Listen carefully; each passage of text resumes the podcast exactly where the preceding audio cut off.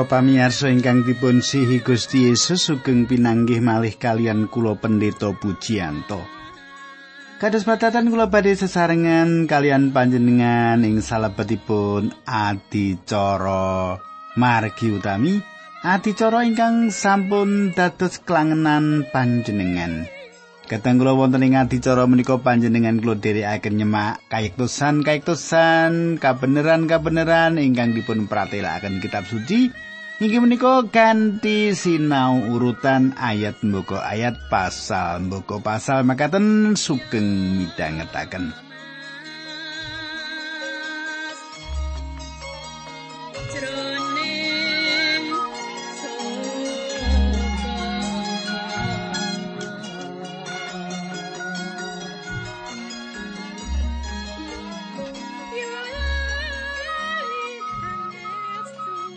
Para pamirsa menapa panjenengan tasih kemutan menapa ingkang kula aturaken duk pepanggihan kepengker kula sampun ngaturaken dumateng panjenengan ing pepanggihan pepengker. Menika kita sampun nyemak kados pundi Paulus meratelaken gegayutan dosa manungsa. Nggih.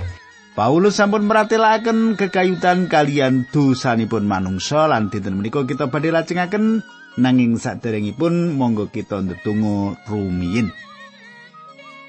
Kanjeng Rama ingkang ada dampar wonten kraton ing kasuwargan kawula ngaturaken gunging panuwun. Dene wekdal menika kawula saged tetunggilan kalian sederek-sederek kawula ingkang setya tuhu midhangetaken adicara menika. Kawula ngaturaken gunging panuwun wekdal menika Gusti, kawula nyuwun tuntunanipun Gusti linambaran asmanipun Gusti Yesus Kristus kawula netunggal haleluya amin.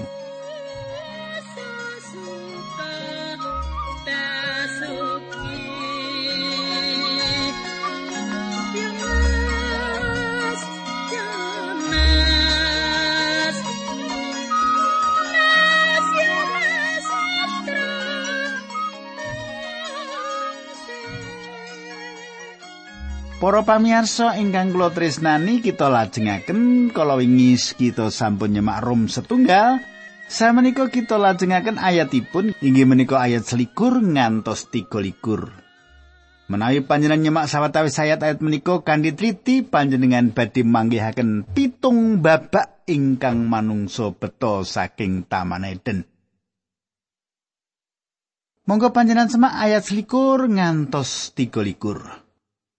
Manungsa ngerti nanging Gusti Allah ora padha disaosi pakurmatan lan padha ora saos syukur marang panjenengan iku sok baline sing dipikir malah perkara-perkara sing tanpa guna. Butine dari peteng lelimangan rumangsane wicaksana nanging satemene bodho sing padha disembah dudu Gusti Allah sing sifat langgeng nanging reca-reca sing digawe manut rerupaning manungsa sing ora langgeng utawa manuk-manuk kewan-kewan sikil papat utawa kewan-kewan sing rumangkang. Makaten pangandikanipun Gusti kados pundi pangandikan menika kadang kula. Ayat-ayat menika mbantah panduga utawi panginten kegayutan evolusi. Manungsa mboten saged ndandosi badanipun secara badaniah, moral, kapinteran utawi secara rohani sedayanipun tansah mandap manungsa patrapipun nebih saking Gusti Allah lan samenika jagat saged ugi langkung tebih saking Allah. Dipun bandinging jaman pundi kemawon ing salebetipun sejarah. Kasunyatan saking perkawis menika inggih menika pilih suku primitif ingkang tasih sederhana gadah tradisi ingkang wangsul dumateng jaman wiwitaning pundi leluhuripun tepang Gusti Allah. Mboten wonten manungsa ingkang nate gesang wonten ing pepadang ingkang dipun gadai sinaosa manungsa gadah kawruh bab Allah manungsa nebih panjenenganipun. Kateng kula tembung nanging Gusti Allah ora padha disaosi pakurmatan. Liripun menapa menika liripun manungsa mboten nyukani papan ingkang sakmestinipun kunjuk Gusti Allah lan manungsa rumau saged nyekapi kaperluanipun piyambak. Gusti Allah ora dipapanake dadi jejering sesembahan. Ing jaman sakmenika manungsa nganggep bilih Gusti Allah menika sedo. Gusti Allah ora ana wis mati. Ing wiwitanipun manungsa namung ngungkuraken Allah lan ndadosaken manungsa Allahipun piyambak. Tembung ingkang salajengipun padha rasa syukur marang panjenengane, padha rasa syukur marang panjenengane. Mboten saus syukur inggih menika salah satunggalipun dosa ingkang paling awon piyambak. Panjenengan tasih kemutan bilih Gusti Yesus nyarasaken sedaya tiyang kusta nanging namung setunggal ingkang wangsul ngaturaken panuwun dumateng panjenenganipun. namung sedasa persen ingkang ngaturaken panuwun. Lan kula pitados sampun kirang saking menika ing jaman samenika. Kirang saking sedasa persen koso baine sing dipikir malah perkara-perkara sing tanpa guna manungsa malah damel teori evolusi Butine tadi peteng lelimengan Ayat wong ngendika ngaten, manungsa patrapipun tumuju pepeteng manembah brahala. Rumangsane wicaksana nanging satemene bodho. Kawicaksanan manungsa inggih menika bodho tumrapipun Gusti Allah. Manungsa patus-patus kayektosan lumantar akal kang mlebet nalar nanging mlebet ing salebetipun filsafat ingkang bodho ing salebetipun pamirsanipun Gusti Allah. Para pamirsa, sing padha disembah dudu Gusti Allah sing sifat langgeng nanging reca-reca sing digawe manut rupaning manungsa sing ora langgeng utawa manuk-manuk kewan-kewan sikil papat utawa kewan-kewan rumangkang. Panjenengan persani gambar-gambar lan brahala-brahala. Kita ingkang wonten ing salebetipun kekaisaran Rom saged sampun gayuh kabudayan ingkang inggil piyambak ingkang ngati dipun gayuh kita pundi kemawon. Nanging ing jantung kita Efesus menika wonten gambar ingkang sanget ngegrisi ingkang nate wonten ingkang dipun simpen ing kuil Artemis salah satunggal saking pitu keajaiban jagat kino. sebat ugi Diana piyambakipun sanes gambaran ingkang ayu ingkang saged panjenengan persani ing reca-reca Yunani. Reca menika kados oriental sipili, dewi ingkang dados mbok-mbokan. Ngapunten nggih, reca menika kathah susunipun. Reca menika nyepeng canggah lan tangan ingkang satunggal beto godo. Reca menika nggambaraken ingkang gadah patrap awan piyambak. Dewa sing duwe watek ala dewi. Inggih menika gagasan ingkang dipun panggihaken dening umat ingkang gadah budaya piyambak lan ingkang gadah tata susila.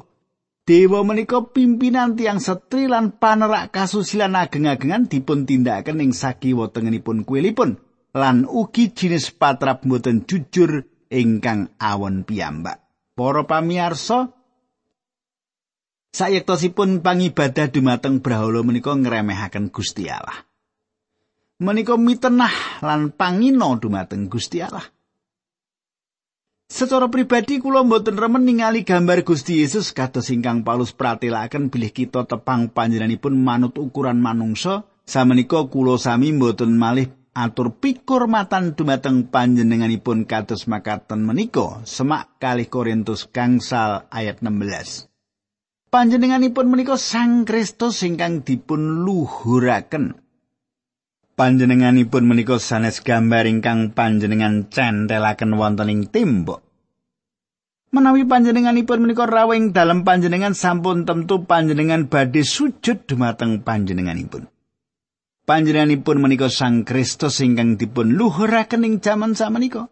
Ampun ngremehaken Gusti Allah kita kanthi nyantelaken gambaripun bangsa Yunani Adam brahala brahalanipun ingkang memper kalian menungso. bangsa Syria, Mesir lan Babel damel brohala-brohala memper kewan, peksi lan kewan rumangkang. Para pamirsa, Wiwitanipun manungsa mboten gesang ing salebetipun pangibadah dumateng Brahala.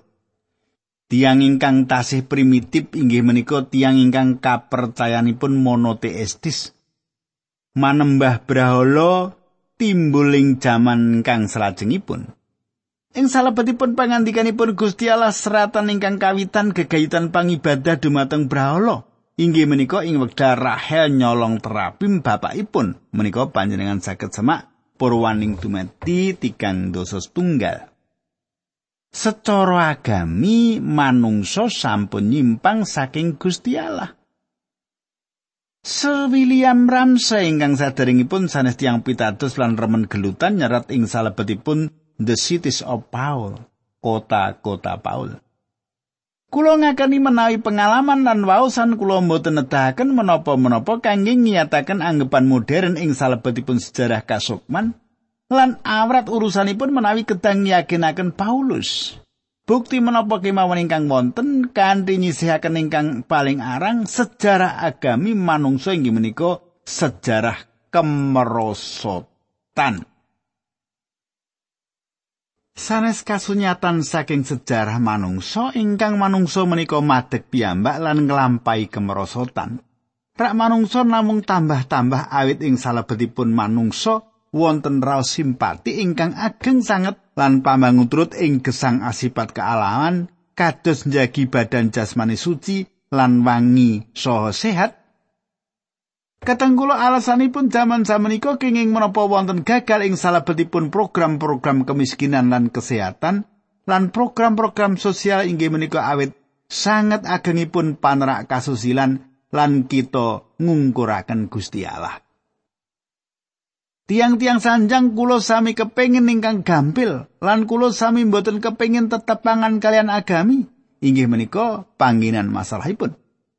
Satunggal-tunggalipun perkawis gampil ingkang dipun tindakaken manungsa inggih menika wangsul dumateng Gusti Allah ingkang gesang lan sejatos. Ayat 4 Rom setunggal ayat 4 likur. Sarene manungsa dadi bodho kaya mengkono, mulane Gusti Allah ngujo manungsa nglakoni perkara-perkara sing asor lan nista manut sak senenge atine kabeh padha nglakoni perkara sing rusuh. Kadang kula kemerosotan manungsa dipun ukur saking sanggomo ingkang boten limrah. Malah gereja-gereja ing jaman samenika nyengkuyung patrap senggama ingkang boten limrah menika. Gereja boten ngipati-pati Gusti Allah paring pangandikan pilih tiang-tiang gereja ngujo tiang-tiang menika. Pangibadah dumateng Brahala lan patrap sapaturon senggama jaralan estri ingkang boten limrah inggih menika wah-wah pahit awit nampik wahyu Allah. Gusti Allah masrahaken wong-wong mau dijarwakake secara harfiah Gusti Allah ngujo tiang-tiang wau inggih kados makaten menika asikep ingkang positif boten negatif. Ayat selangkung kasetiane Gusti Allah dilironi goroh Wong-wong mau padha luwih seneng lan ngabekti marang barang gaweane dhewe ketimbang karo Gusti Allah sing nitahake sing mestine diluhurake ing selawas-lawase. Amin. Para pamirsa, tiang-tiang kala wau ngungkuraken Gusti Allah lan manembah iblis. Pribadi ingkang yoso keguruan lan bapakipun tiang-tiang ingkang ngibadah brahala. Ngibadah dumateng brahala menika nuntun dumateng asoring moral ingkang asor piyambak. Ayat 6 ngantos pitulikur mekaten. Mergo saka iku Gusti Allah masrake wong-wong mau marang hawa nepsune dhewe sing rusuh, wong wadon padha tumindak rusuh ninggal kalumrahan. Mengkono wong lanang padha nyimpang saka patrape sanggama sing lumrah karo wong wadon nanging padha birai karo pepadane wong lanang. Lanang karo lanang padha tumindak nista nganti padha nampa piwales sing timbang karo dosane. Para pamirsa, patrap menika inggih menika hawa nepsu cemer lan patrap mirang-mirangaken lan patrap karisakan moral. Patrap ingkang boten limrah mlebet ing salebetipun gesang Yunani. Panjenengan tindak lan panjenengan persani Yunani wekdal menika. Salajengipun sampun ical. Kenging menapa? Menika awit dosa-dosanipun tiang-tiang menika. Ayat 28 kesarene rumangsane ora perlu wanuh marang Gusti Allah. Mulane Gusti Allah nikahake pikirane wong-wong mau dadi rusak nganti padha nglakoni sing ora patut. Para pamirsa. Sinten kemawon ingkang nyukani mangertos kula bilih tiang menika saged dados putrane Allah, saged gesang kanthi patrap ingkang boten pantes, gesang wonten ing lendutan kandel, nggayuh patrap gesang ingkang alsipat sawetawis, patrap makaten menika namung badhe mirang-mirangaken badan piyambak lan boten mirang-mirangaken tiang sanes. Nanging menawi tiang menika purun sowan dumateng Sang Kristus, tiang menika malah saged dipun uwalaken. Kula lajengaken ayat 29 ngantos 3 dosa setunggal. Atine padha kebak piolo duraka lan serakah padha drengki seneng gawe pati kerengan culika lan seneng gawe susah liyan. padha umuk lan ngundat-undat ngololo jenenge wong liya sarta sengit marang Gusti Allah padha kurang ajar gumunggung lan gumedhe wong-wong mau padha sugih reka kanggo nglakoni piala sarta nglawan marang wong tuwa murang sarak ora netepi janji gampang ninggal kewajiban lan ora duwe marang sak pepadani para pamirsa Menawi panjenengan mau serat kabar, cobi panjenengan paringi tondo pawartos ingkang gegayutan kalian dosa ingkang dipun sepataken. Panjenengan saged ugi kaget manggihaken pokok pawartosipun. Inggih menika ingkang dumados pinten dangunipun malih Gusti Allah badhe komo-komo atas dosa lan sabar dumateng kita. Panjenenganipun sampun ngadili bangsa-bangsa ageng ing jaman kepengker ingkang gesang wonten ing salebetipun dosa. Ayat tigang dosa kalih. Senajan padha ngerti yen manut angger-anggering Gusti Allah wong sing padha nglakoni mengkono mau mesti dihukum pati, hewa semono ora kapok malah yo ngrujuki wong-wong liya sing uga nindakake mengkono. Para pamirsa, manungsa nampeni wahyu saking Gusti Allah. Nanging patrapipun mameraken bilih piyambakipun lumawan pangadilanipun Gusti Allah atas dosa-dosa kados makaten menika. Tiang menika terus nindakaken lan nampeni kanthi keplok-keplok lan sarujuk kalian tiang-tiang ingkang nindakaken patrap ingkang kados makaten ugi. Ing salebetipun perkawis menika Paulus nedahaken bilih Gusti Allah badhe ngadili tiang-tiang ingkang nindakaken pandamel sae lan rohani manut tetinggalanipun piyambak kathah sanget tiang ingkang jumeneng ing inggil gunung lan ningali dateng tiang-tiang ingkang wonten ngandhap gunung lajeng sanjang. Kita kudu nindakake apa wae kanggo wong mlarat. Kita kudu miwiti misi saka ngisor kono. Kita kudu miwiti menehi sandangan. Aku manggon ing dhuwur gunung lan aku ora mbutuhake apa-apa. Pepalang kangge gayuh tuntutan Gusti Allah sami inggilipun kalian puncaking gunung ingkang dipun tingali saking ngandhap. Satunggal-tunggalipun ingkang benten inggih menika manungsa wonten ing ngandhap gunung saged ugi saged mangertos kabetanipun langkung cepet ketimbang tiang ingkang wonten ing puncak gunung.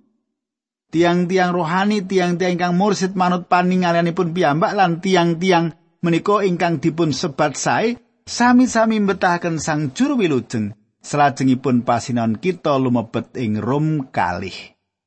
Tekan Rom kalih makaten surasipun. Mulane para sedulurku apa kowe padha wani ngadili wong liya ing ngatasé kowe dhewe kagolong wong sing ora bakal luput saka kesalahan. Mergo yen kowe ngluputake wong liya mongko kowe dhewe lupute padha apa kowe ora nibake paukuman marang awakmu dhewe. Para pamirsa, Inggih menika perkawis ingkang penting ingkang dipun pratelakaken wonten ing ngajeng kita ing salebetipun pasal menika. Perlu dipun emot-emot ing mriki bilih Paulus mboten ngrembak bab kawilujengan. Paulus ngrembak bab dosa lan landesan ingkang dipun ginakaken Gusti Allah kangge ngadili manungsa. Watonan-watonan pengadilan menika sanes landesan kawilujengan. watonan-watonan menika satunggalipun landesan pengadilan. Kula mboten mangertos kados pundi sesambetan kalian panjenengan, nanging kula mboten gadah kekajengan dipun adili kanthi watonan-watonan menika. Kula ngaturaken panuwun atas Sang Juru Wilujeng jaman samenika lan kitab suci meratelaken Injil minangka satunggal-tunggalipun cara gayuh gesang langgeng. Nampik putra Allah badhe andhatengaken pengadilan Allah atas tiang lan satunggal-tunggalipun putusan inggih menika lepat. Sapa sing duweni sang putra kuwi duweni urip sing sejati, ya kuwi urip langgeng lan wong sing ora duweni sang putra ya ora duweni urip langgeng mau. Panjenengan saged maos tunggal Yohanes gangsal ayat 12. Lan panjenenganipun paring pangandikan, kowe padha ndak kandhani wong sing ngrungokake tembung kulan percaya marang sing ngutus aku, wong kuwi ngalami urip sejati. Wong mau ora bakal dihukum wis lolos saka ing pati lan mlebu ing urip Yohanes gangsal ayat 24. Salajengipun panjenengan pirengaken Gusti Yesus paring pangandikan mulane nggone Gusti Allah ngutus putrane rawing jagat kuwi ora supaya dadi hakim nanging supaya dadi juru slamete jagat mau sing sapa percaya marang sang putra ora bakal dihukum nanging sing sapa ora percaya kuwi wis dihukum awit wong kuwi ora percaya marang putra untangan tinggi Gusti Allah mau Yohanes telu ayat pitulas ngantos wolulas. Lan ugi wong sing percaya marang Sang Putra ngalami urip sejati, nanging wong sing ora percaya marang Sang Putra ora bakal ngalami urip sejati lan bebendune Gusti Allah tetep nempuh marang wong mau. Panjenengan saged maos Yohanes 3 ayat 3.6. Dados jaman-jaman iku tiang-tiang ingkang boten gadah Sang Kristus dipun anggap kesasar. Saged ugi panjenengan inggih menika tiang sae nanging tanpa Sang Kristus panjenengan kesasar. Kadang kula panjenengan katosaken awit saka iku e manungsa sapa wae kuwi. Manungsa basa Yunani nipun anterup. Menika istilah umum ingkang dipun kajengaken inggih menika pria lan wanita. Menika nyakup bangsa Yahudi lan sanes Yahudi lan nuju dumateng umat manungsa umumipun.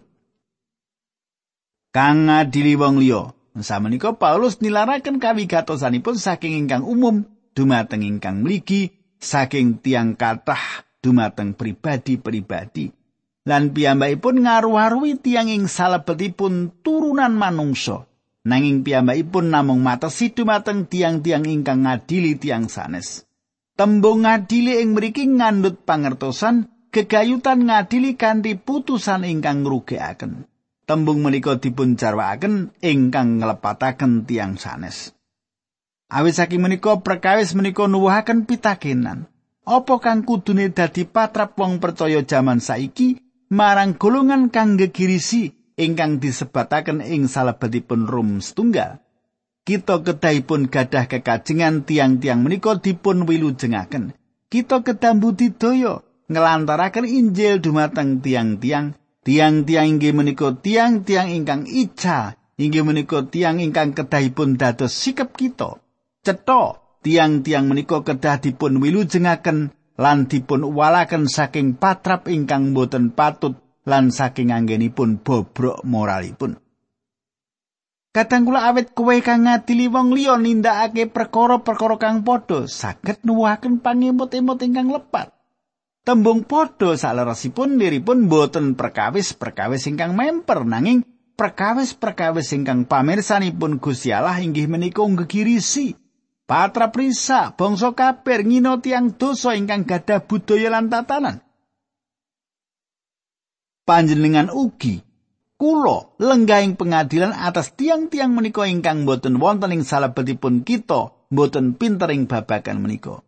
kita ngginakaken ukuran menapa ingkang wonten ing sakiwa tengen kita ingkang dumados jaman samenika lan menika maneka warni. Menawi wonten tiang boten gadah sifat-sifat selaras kalian ukuran golongan alit panjenengan, mila panjenengan badhe matrapi paukuman dumateng tiang menika. Menawi panjenengan ngadili tiang sanes kanthi ukuran-ukuran panjenengan, panjenengan gadah hak ngadili panjenengan kanthi ukuran-ukuran panjenenganipun. Saupami kita saged ningali badan piyambak kados dene Gusti Allah mirsani kita, kita saged ningali bilih sayektosipun kita menika jengkelaken. Menapa ingkang saged kula lan panjenengan aturaken dumateng swarga? Gusti Allah badhe ngadili panjenengan lan panjenenganipun boten ngadili panjenengan kanthi ginakaken ukuran-ukuran panjenengan nanging kanthi ukuran-ukuran panjenenganipun. Kedahipun kita imut perkawis menika panjenengan kedah mangertos bilih kita mboten saged nyameni ukuran-ukuran ingkang dipun ginakaken Gusti Allah. Amin.